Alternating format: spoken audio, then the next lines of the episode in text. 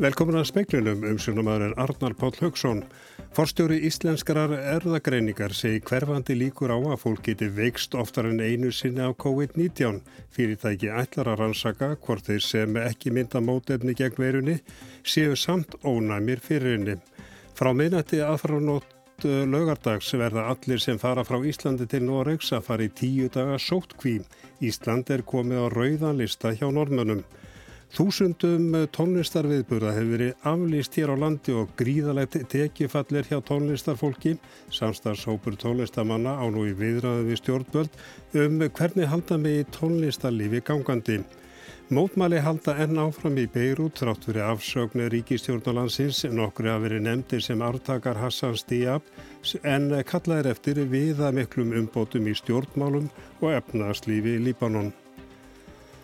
Sótvarnaræknir segir að laga þurfi skilabóð sem sendur upp fólki sem ekki mælist með mótefni gegn korunverunni. Fólk sem hefur veikst en er ekki með mótefni hefur fengið þau skilabóð að hætta sér á að það smitist að nýjum en ekki talið að svo hætta sér fyrir hendi. Íslensk erðagreining ætlar að rannsaka hvort þetta fólk sé ónæmt fyrir verunni.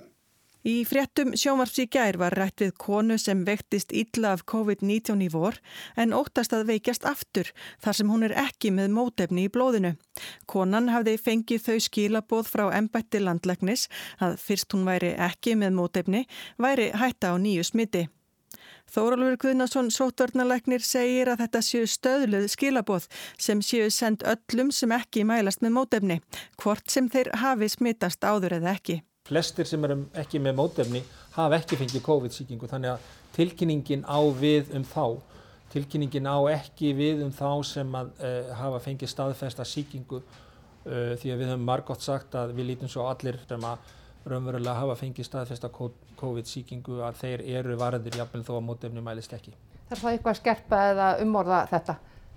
Já, já, það er, uh, það er klárlega að þarf að laga þetta. Kári Stefánsson, forstjóri Íslenskrar erðagreiningar, telur hverfandi líkur á að fólk geti veikst oftar en einu sinni af sjúkdónum. Það er engin dæmi um það sem ég veit um í heiminum og nú hafa um 6 miljón manns sísta verunni. Það er sjálfsagt 3-4 miljónir sem hafa læknast en enginn þeirra hefur sísta aftur. Þannig ég held að líkurnar séu mjög litlar á því að, að eh, þessi 4% sítist aftur svo litlar að, að ég, ég myndi kalla það hverfandi. Íslensk erðagreining ætlar að rannsaka hvort þeir sem fengu stjúkdóminn en eru ekki með mótefni séu í raun ónæmir. Við ætlum að leggja af stað í þá ferð að sína fram á þetta fólk sé með frumubunduð ónæmi. Við ætlum að, að ráðast í slíkar ansó. Segir Kári Stefánsson, Alma Ómarsdóttir tók saman. Eins metra nándarregla verður í framhaldsskólum og háskólum og snerti í þróttir verða leiðar með ákveðnu skiluðum samkvæmt nýjum sóttvarnareglum sem taka gildi frá minnætti 14. ágúst. Samgóngu komu bann meðast áfram við 100 manns, vínveitingastæði þurfa enn að loka klukkan 11 og annar staðar enn í skólum gildir 2 metra nándarreglan. Þetta gildir til miðnattis 27. ágúst. Sótvarnaræknir hefur sagt að ef vel gangi að ná tökum á faradennum komið til greina að rýmka fjölda takmarkanir. Katrín Jakobsdóttir fórsættistráðara hefur verið í sambandi við Ernu Solberg, fórsættistráðara Noregs, um útbreynslu kórnaveirunar hér á landi. Normin hafa sett Ísland á rauðanlista á samt fimm öðru löndu vegna ferðalagan og því telst Íslands há áhættu svæði. Já, já, við vorum í sælskiptu, ég og Erna Solberg, fórststræðar á Noregs og uh, ég menna þau hafa bara sína reglur og viðmið um þetta og uh, það miðast við nýgengi smita uh, og ég auðvitað upplýst hérna um það að við varum mongóð um að þetta nýgengi væri núna að fara niður aftur með öllum þeim fyrirverðum sem ég setja sjálfsögðu við það. Ég menna þessi listi breytilur, hann tekur bara breytingum viku frá viku þannig að hún er meðvitað um það og þau eru líka í aðgerðum til að reyna að hemja smit heima hjá sér í Noregi. Þetta var Katri Jakobsdóttir, nánaverður fjalla um þetta mál síðar í speiklinum. Bóji Níls Bógarsson, fórstýra Æslandir, segir Æslandir gera ráð fyrir að senda upplýsingar um hlutafjára útbóð til gröfuhafa á næstu dögum og að enn standi til að ljúka verkjun í ágúst. Æslandir er tilkynnt á ellita tímanum í gerkvöldi að samningar hefði tekist við alla gröfuhafa og að endalegt samkómulag um bætur hefði nást við flugvíla framlegandan Boeing vegna kyrsetningar Max Vilana. tímalínan hjá okkur sem við kynntum uh, fyrir skömmu síðan og gáum út er að, að við ætlum að reyna að klára þetta verkefni í águst mánuði. Það, það er svona markmið okkar. Hvað, hvað eigið þið lausafjegi í langan tíma til dæmis? Við eigum lausafjegi fyrir eitthvað lengri tíma en það vegna þess að við höfum verið að fljúa nokkuð síðustu vikur og ná í kannski meiri tekjur inn í félagið heldur en við gerðum ráð fyrir til dæmis í mæmánuði og þannig að staðan er hvað að segja, þokkaleg hvað það varðar þannig að við höfum úttalt eitthvað áfram. Þetta var bói Níls Bógason, Stígur Helgason talaði við hann og nána verið rætt við Bóga í kvöldfréttum sjómars. Mótmælum hefur ekki lind í Beirut þrátt fyrir afsögna ríkistjórnan Hassans Diab en okkur hafa verið nefndir sem mögulegir artakar hans sem forsætis ráð þeirra. Mikil mótmæli halda áfram í Beirut þar sem brott hvar við ráðandi stjórnmálabla í Líbanon er krafist. Þeim er kjent um að hafa skapað aðstæðurnar sem ollu sprengingunni miklu 4. ágúst síðastliðin. Erlendir ráðamenn á borðið Makrón Fraklandsforsetta og Heiko Maas, utanríkisráð þeirra Þýskalands, hafa kallað eftir djúbstæðum umbótum í landinu. Makrón hefur lagt ríka áherslu á að starfhæfi ríkistjórn sem ræður við vandan komist til valda. Undanfarnar mánuði höfðu mótmælendur lít haft sig í frammi. Nú þyrpist fólk út á götur Beirútborgar og ný, veifandi gálgum og snörum til marksum hugarfar þess til stjórnmálamanna landsins. Afsögn Hassans Diab, forsættisráð þeirra, vakti bjart sínum umbætur í stjórnmálum hjá sumum en aðrir óttast að gömul andlit byrtist á ný. Þar á meðal hefur Sat Hariri fyrirverandi forsættisráð þeirra verið nefndur. Hann þurfti að víkja sæti eftir harðvítug mótmæli á síðasta ári. Erlend ríki á borðið Frakland renna hýru auga til Nafhafs Salam, tæplega sjötugs fyrirhandi dómara við alþjóða dómstólinn. Hesbólarhefingin sem er valda mikil í Líbanon telur hann ekki vænlegan kost að sögn dagbladsins Al-Akbar. Búist er við að þing Líbanons komi saman á fymtudag til að staðfesta neyðar ástand í landinu og til að tryggja að öryggissveitir geti haft heimil á mótmælendum. Markus Þóraldsson saði frá. Viðbröð stjórnvalda við kórnuveiru faraldrinum í voru gerðu það verkum að Íslitingar náðu hlutvarslega að greina fleiri tilfelli en aðra þjóðir. Þetta sér Elias Eithósson læknir og fyrstu höfundur nýra rannsóknar á sjúkdómsenginum COVID-smittara einstaklinga hér á landi. 22,3% Íslandinga sem greindust með COVID-19 í februar, mars og april voru ekki með dæmiger sjúkdómsenginni líkt og alþjóða helbreyðismálastofnunin skilgrinni þau þegar þeir greindust. Stærstur hluti Íslandinga sem greindist á þessum tíma fann fyrir vægum einkennum í gegnum allt veikindatímabilið.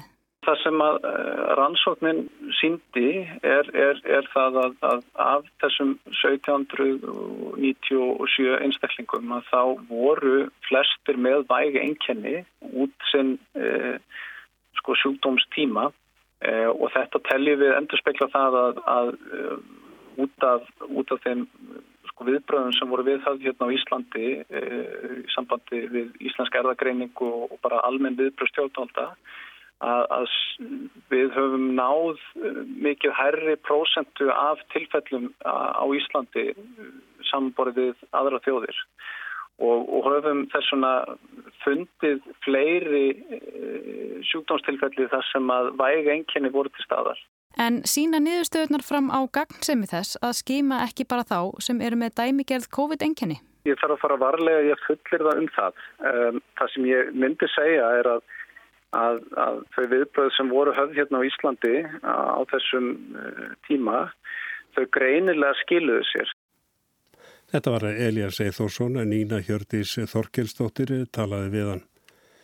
Leifi sem skoska fyrirtæki Skyrora fekk til þess að skjóta eldflög á loft frá Langanesi tók gild í dag. Nú er byggðið eftir hagstaðu veðurskilurum en svæðinu er lýsem næri fullkomnu til verkefnisins. Skyrora lýsir sér sem Uber Game yðnaðarins en það þróar og smíðar eldflögar sem ætlað er að ferja gerfinnetti út í game. Fyrirtækið hefur fengið leifi fyrir tilraunaskoti frá með deginum í dag og fram á sunnundag og beðir átækta á langanesi eftir hagstaðum veðurskilurðum. Það virkar þannig að við fáum skotglugga sem er nok yfir nokkra daga og þegar við teljum okkur vera að koma með kjöraðstæður þá er það tilkynnt með þetta fyrirvara um það að það er að hætta við skotið alveg fram á síðustu sekundu. En þetta lítur allt mjög vel út. Segir Alli Þór Fandal hjá Geimvísinda og tækniskrifstofunni. Ef skiliriði verða ekki nógu góð er hægt að sækja um annan glugga síðar. Ef vel gengur er þó ofsnend að segja til um hvort gerfinnöttum verði reglulega skotið upp frá longanissi.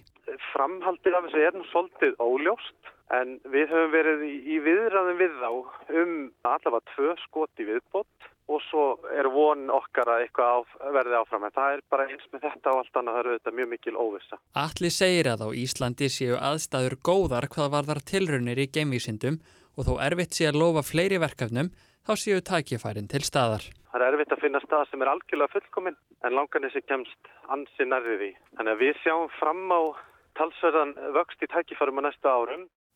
Segir allir Þór Fandal, Andri Yrkill Valsson tók saman. Normenn ákvaði dag að setja Ísland á rauðan listam. Það þýðir að allir sem koma frá Íslandi til Noregs verða að fara í tíu daga sóttkví. Eistrarsastlöndin hafa sett Ísland á rauða listan og sömulegis Grænland. Erna Súlberg, forsættistræðar Noregs, emdi til bladamannafundar í dag á Sant Bent Hói, Heilbreyðisáþra, Björn Gulvog, Landlækni og Líne Bold frá Líðheilsustofnun Noregs. Að óbreyttu átti þessi fundur að vera á förstudagin en var flýtt vantilega vegna efni fundarins sem var utalansferðir. Það kom ekki óvart að ríkisjónin samþykti tilúri líðheilsustofnunarinnar um að setja tiltekin lönd á rauðanlistan sem þýra þeir sem koma frá þeim löndum til Noregs verða að fara í eins og áðursaði í tíu daga sótkvín. Það var kannski einhver vona að Íslandi lendi ekki á listónum sem norski heilbriðs á þarann að lasa upp á fundunum eftir að ekki smitt greindist hér í fyrradag en svo von var það vantalega lítil eftir að fjögur virk smitt greindust innanlands í gær. Og með midnatt og natt til lørdag inntreffer karanteneplikten dersom man kommer fra Polen, Nederland, Malta, Kypros, Island eller Færøyene. Frá aðfarnóttu laugardags gildir skildum sótt kví ef maður kemur frá Pólandi, Hollandi, Möldu, Kýpur, Íslandi og Færjum, sagði ráþarann. Auk þess verða sex ný svæði í Svíþjóð rauð sem þýðra aðeins eru eftir fáeinir landslutar þar sem ekki eru rauðir. Þá eru Sjáland í Danmörku rauðt en þó ekki höfuborgarsvæðið og rauðiliturinn verður líka á mið Jótlandi. Þetta eru lönd þar sem innland landsmitt eða nýgengi smita síðustu tvær vikur er yfir 20 á hverja 100.000 íbúa. Normin hafa deilt löndum Evrópi græn og rauð um næstu helgi. Verður álvan orðin talsvert rauðleit, græni liturinn hefur fram að þessu þýta löndin séu tiltölu hættulös og við hengkomana þarf ekki að fara í sótkví. Græni liturinn hefur nú verið tekin út og í staðin verða grænulöndin gul. Norsk yfirvöld hafa frá upphafi rálagt normönum að fara ekki til útlanda nema nöysinn krefji. Risikoen for å bli smitta i køen i Systembolaget er ikke verd prisen. Du risikerer å bli smitta og smitta andre. Áhættan að standi rauð í ríkinu í Svíþjóðar ekki þessi virði, saði heilbyrðis að ráþurann. Þú tekur áhættu að smittast og smitta aðra. Smittum í Nóri hefur fjölgað að undanförnu eins og víða annar staðar. Smittalan í Nóri er nú um 10 en hér á land er hún um 30. En hvers vegna er ákveð að nota gulan lit í stað þess græna? Erna Solberg fórsættisáðra sagði að guliliturinn væri notaður til að undistrykka fólk ætti ekki að fara til útlandan eða hugsa sér tvísarum. Þeir sem fara til landa sem mert eru gul þurfa þó ekki að fara í sótkví. Det er akkurat som i trafikken. Du skal ikke kjøre på gult. Þetta er nákvæmlega eins og í umferðinni, þú átt ekki að aka yfir á gulu, saði Erna Solberg. Normin hafa greipið til ímissa rástafana til að halda útbreyslu veirunar niðri.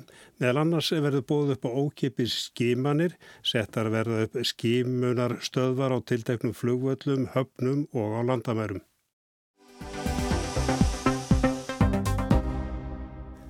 Samstarfsópur tónlistarfólks á í viðræði stjórnvöldum hvernig halda megi tónlistarlífi í landinu gangandi. Gríðalegt tekifall hefur orðið hjá tónlistarfólki og tengdum greinum því þúsundum viðburða hefur verið aflýst. Tónleikum, tónlistarháttíðum og tónleikaferðum erlendis hefur verið aflýst.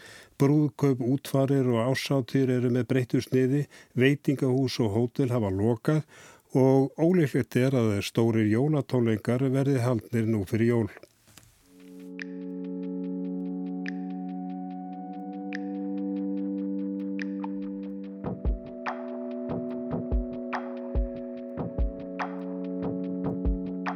Skýrsla um áhrif COVID-19 á íslenskan tónlistariðnað kom út í júni.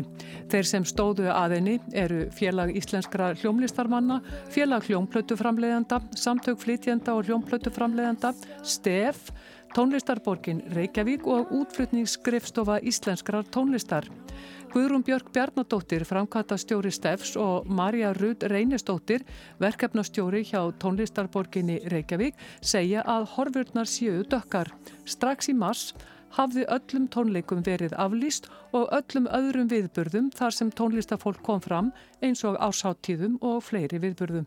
Og svo auðvitað fylgir það að, að hverjum einasta tónlistamanni fylgir heil stuðningshópur. Það eru ljósamenn og hljóðmenn og, og tæknimenn og, og síðan e, tónleikastaðirnir, bókarar, umbósmenn og, og svo má, má lengi telja sem um leið bara mistu þarna á einu bretti sína vinnu. Lifandi tónlist hefur á undanförnum árum orðið helsta tekjulind tónlistarfólks og þeirra sem starfa með þeim því plötu útgáfa gefur ekki lengur af sér. Tugir staða hafa bóðið upp á lifandi tónlist hér á landi.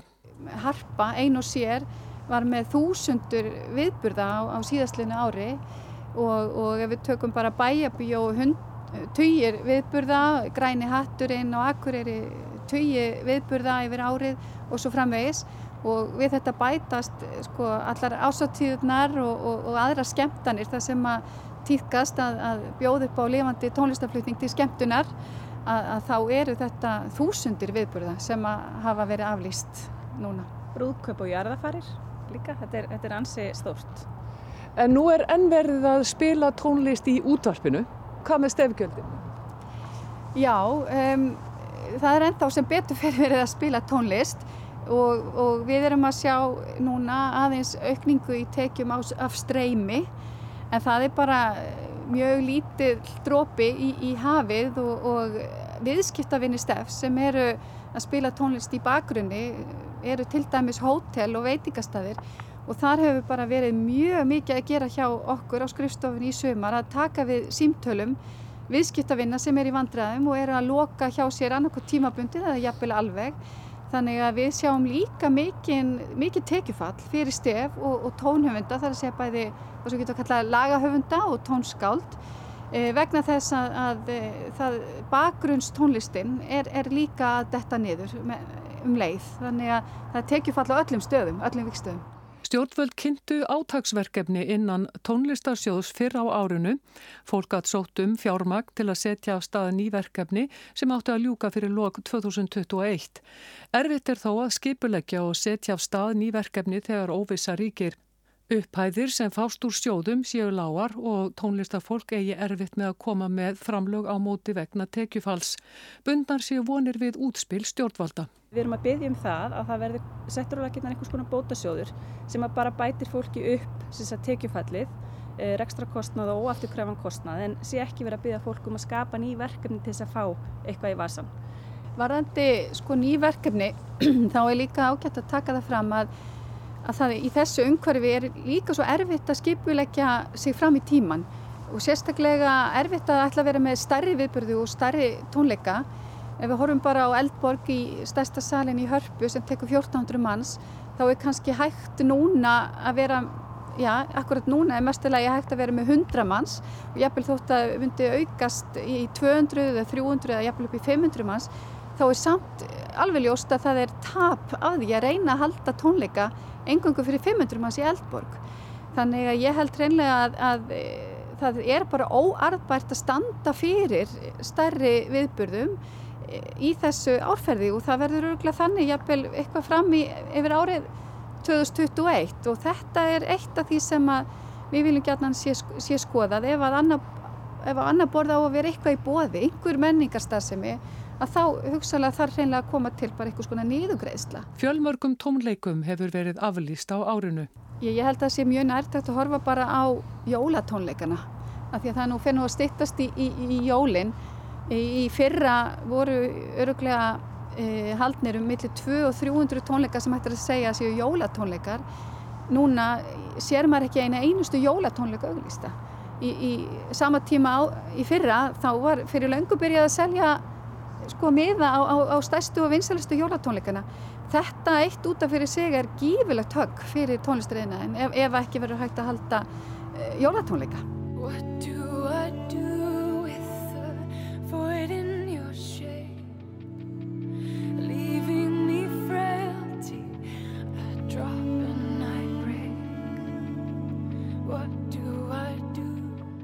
Ástandið bytnar einnig á minni tónleikastöðum því tveikjametrareglan og fjöldatakmarkanir gera það að verkum að einungis örfáir geta sótt á staði.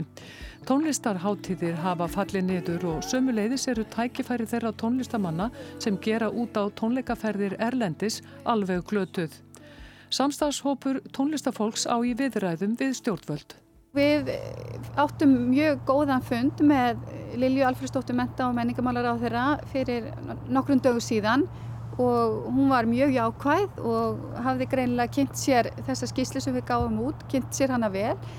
Og við veitum að í gær á ríkistjórnafundi þá lagði hún fram skýsluna og svona tillögur að aðgerðum sem að, sem að voru kynnt þar. og við byrjum bara spennt eftir að sjá hvað, hvað kemur út úr þessu samtali við ríkistjórnina og við eigum líka núna fund bara hreinlega á morgun með hérna, Þórtísu Kolbrúnu atvinnuvega og nýsköpunar á þeirra þannig að samtalið er allan að byrja og, og við erum bjart sín að, að það verði hægt að horfa einhvern veginn aðeins betur á þennan tiltegna hóp sem hefur bara orðið allra vest út, úti í, í þessu ástandi.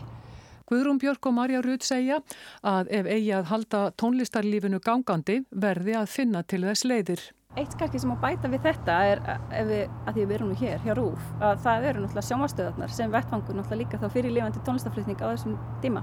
Er þetta auka vægi þeirra og auka lifandi tónlistarflutning í sjónvastöðum?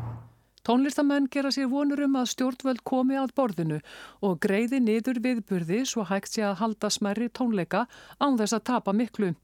Eins og staðan er núna er útlitið þó ekki gott og ef bara er litið til jólana þá er ekki líklegt að verði mikið um stóra jólatónleika eða aðra viðburði. Ég hugsa við öruglega sjáum ykkur á jólatónleika en þeir verða öruglega með minna sniði, með minni íburði, færri að koma fram á hverjum tónleikum, á minni stöðum. Þetta reynir geirin eins og hægt er aðlega að sé ástandinu en, en, en já, þetta verður öruglega með breyttu sniði. Ég held að þetta sé þá komið hjá okkur þá við endum með sírunum. Og það var Berglótið Baldurstóttir sem á tók saman og talaði við þær Guðrunu Björgu Bjarnadóttur og Maríurud Reynistóttur. En þá er við allt annað. Sjáarútismálin eru erfiður hjalli í samningum breyta við Európusambandið. Þau mál mótast meðlannars af teilurðu fiskviðistefnu ESB og þar koma þorskastriði hér beint og óbeint við sögum. Eitt lærdómurinn af setniheimsturöldinni var mikilvægi alþjóðleira samvinnu. Í Evrópu spýraði efnahagssamvinna, tröstviðskipti myndu eflaða samstöðu og samhug.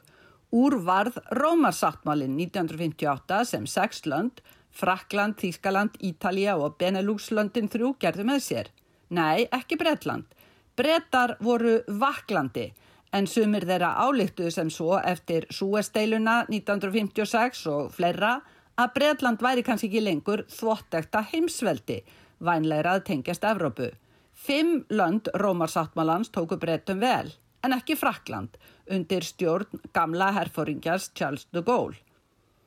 Í heimsókjá de Gaulle 1962 viðræði Harold Macmillan, fórsætsraðra breyta, vilja breyta í átta þessari nýju Evrópusamfinu. De Gaulle sæði ráðurinn sínum síðar að Macmillan hefði verið grátinær þegar de Gaulle hafnaði erindinu. Hersauðingjan langaði mest að gera eins og eitt pjafsagðan, faðmaði sér þennan grátandi herramann. Mais vous pleurez, milord, ça je l'aurais jamais cru. Líkt og pjaf undraðistu gól tár breska herramannsins en þau breytti ekki hersauðingja hjartað. Eftir að slá úr og í var svartu gól 1963 skýrt non. L'Angleterre, en effet, elle, est insulaire, elle est maritime. England væri, sagði hersauðingin á frægum bladmannafundi, eiland og sjóveldi, yðurlega tengt öðruvísi og fjarlægum löndum. Bredland og breska hagkerfið alltaf ólíkt löndunum 6. Hann lefði brettum þó að reyna aftur áður en hann hafnaði þeim enn 1967, jafn óvænt og áður.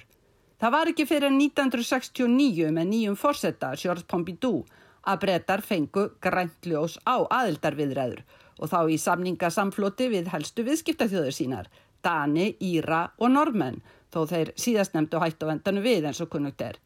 Edward Heath, fórsætsaður að breyta, var ánar með aðildina að sameinlega Evrópumarkanum. We could come together as neighbors to achieve by cooperation the many aims which we share and which we could not possibly hope to realize in isolation. Löndin náða saminast sem nágrannar, sagði Heath, og náð þannig í samvinnu mörgum sameinlegu markmiðum sem þeir gætu með engumóti vonast til að ná í einangrunn. Orðinu einangrun beinti hýð ljóslega til landa sinna. En alþjóðasamvinnan spýraði víðar. Mál málana á áttund áratögnum voru meðal annars hafréttamálinn jamt á Íslandi sem á alþjóðavettvangi.